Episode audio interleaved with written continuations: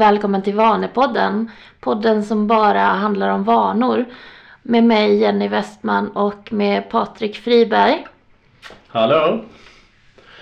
Så idag, vad ska vi prata om då Patrik? Jo, idag så ska vi prata om värdet med engångshandlingar som underlättar etablering av vanor och exempel på hur man kan tillämpa detta. Ja, och om engångshandlingar, vad, vad menar vi då? Ja, då kan man tänka sig att man gör en enstaka handling som kommer ha ett fortsatt värde för en viss vana eh, att etableras och få in en ny vana. För eh, vi, vi, vet ju alla att det kan vara svårt att få till en ny vana. Och ibland så kan man behöva göra någonting eh, antingen precis när man innan man börjar etablera den eller i processen när man etablerar den så att, så att det blir lättare. Alltså, ett exempel kan ju vara att om eh, eh man vill börja springa. Jag, jag hör detta ganska ofta från mina kunder. Så liksom bakgrunden till, det var jag som föreslog att vi skulle göra detta avsnittet.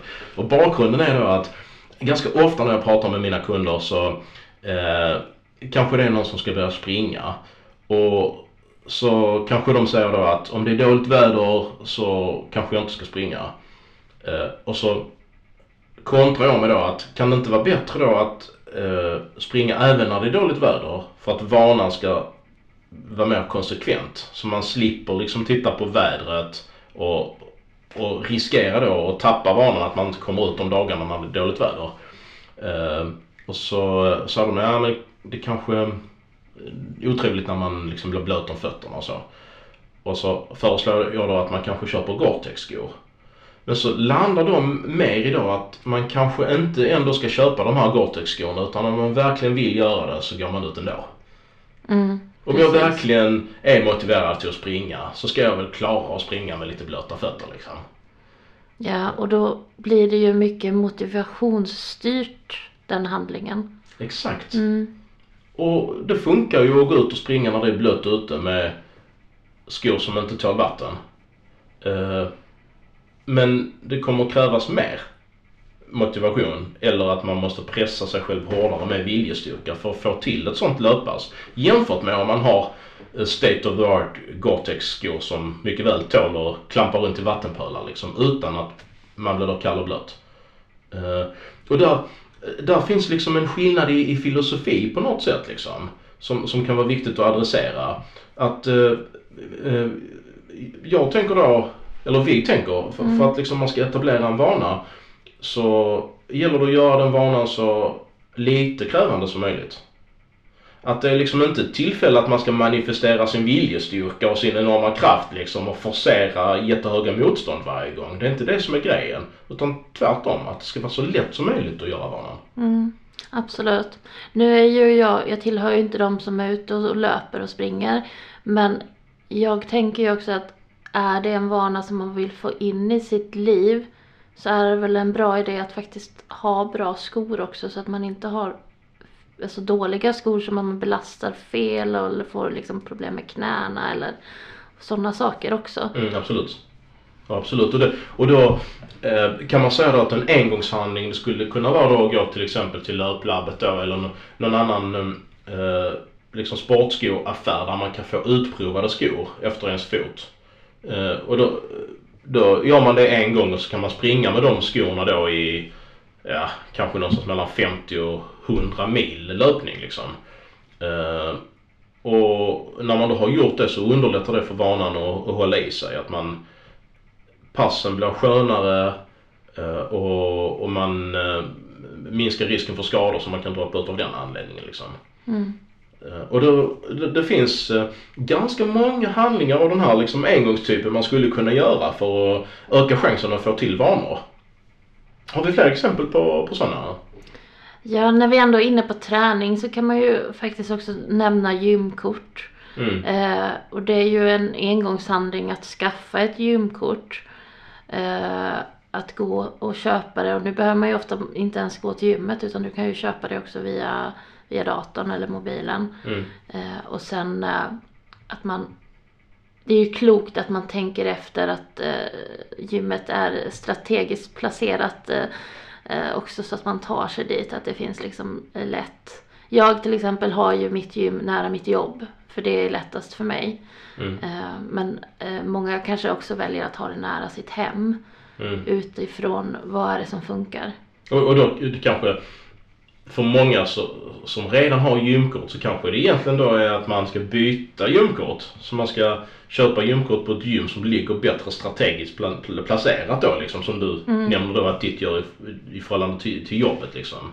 Och för andra så kanske det är närmare hemmet eller någonstans eh, i en bra position i pendlingssträckan mellan hemmet och jobbet liksom. Mm. Precis. Och att om man då gör det skiftet så blir det väldigt mycket lättare att gå till gymmet. Man underlättar för vanan liksom. Mm. En annan sak också som jag också har stött på då i mitt arbete med, med kunder det är just det här eh, att köpa träningsutrustning. Att eh, om man kommer fram till att eh, träning i hemmet kanske är det som funkar bäst för en just nu. Och så har man en gammal träningscykel stående någonstans och så tänker man då att man ska använda den cykeln.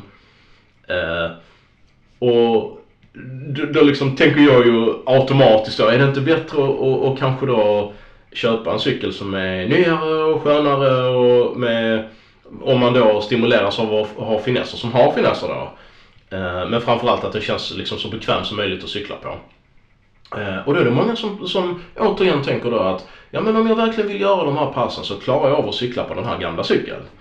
Eh, och då är det också den här skillnaden i, i på något sätt filosofi. Att man ibland blir man liksom lite, vad ska man säga, triggad eller utmanad eller Eh, att man, man känner ett behov av att visa sin viljestyrka då för att få till eh, träningsvanan. Mm, precis, och vilken form av träningsvana är det man vill ha? Är det så att man vill köpa en, en, ny cykel hem eller är det att du behöver kanske köpa några hantlar så att du kan göra de övningarna hemma? Mm. Eller eh, de här banden som man kan ha. Mm. Så att det behöver ju inte heller vara en stor kostnad. Man kan ju träna väldigt mycket hemma med kroppsvikt också. Absolut. Så att man får ju tänka efter vad är det man vill ha för vana och, och hur kan man då underlätta det med att eh, inskaffa någonting en gång. Exakt, exakt. Och även där, jag håller med dig att, att det gäller att göra saker så kostnadseffektivt som möjligt liksom. Men ibland så kan man också behöva sätta kostnaden i proportion till vad man får för effekt av det hela. Så om- man till exempel får en 15, 15% konditionsförbättring genom att kunna sitta hemma och köra på en konditionsmaskin så har det ju så dramatiska resultat på ens hälsa och livslängd och sjukdomsprevention och så. Så att en kostnad på några tusen kanske inte är så hög i förhållande till de enorma effekterna man får på hälsoläget. Liksom. Och, att, och att även liksom en, en, en viss ökning av chansen att få till vanan också är väldigt, väldigt värdefull. Mm.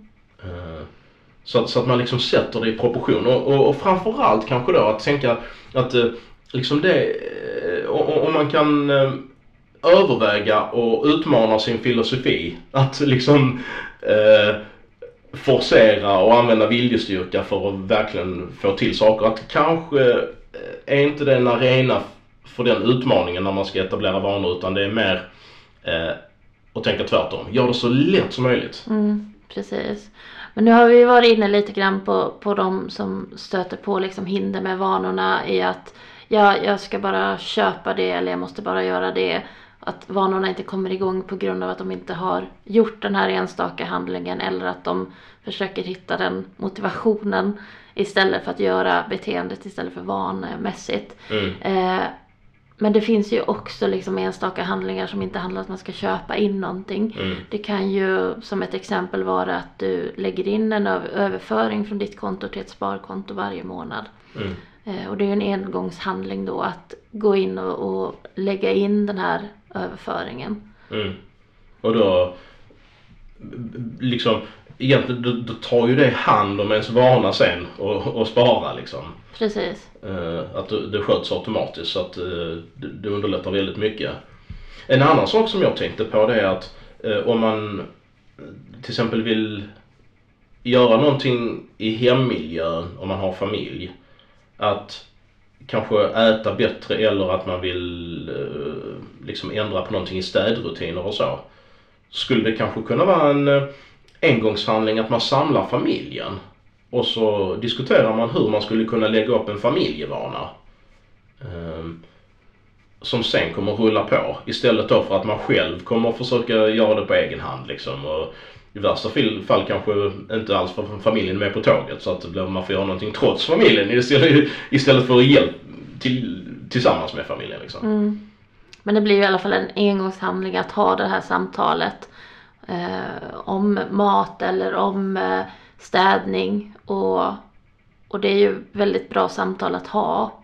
Alltså när man är flera som bor inom, inom samma liksom, lägenhet eller hus så behöver man ju ha de här diskussionerna med jämna mellanrum. Mm. Mm. Och då, då är det liksom ett mm, Kanske i många fall räcker det att ha ett enda möte där man riktigt diskuterar igenom det och sen så hittar man då en, eh, en vanestrategi som man kan göra tillsammans. Mm, precis. Ehm, på jobbet då, kan man ha någonting där? Ja, eh, på jobbet så eh, om, om man vill bli bättre på att hålla reda på projekt och uppgifter och möten och eh, om man liksom använder post-it-systemet nu där man har Mm. post-it-lappar över hela kanten på skärmen eller så så kan ju ett alternativ vara att installera en programvara.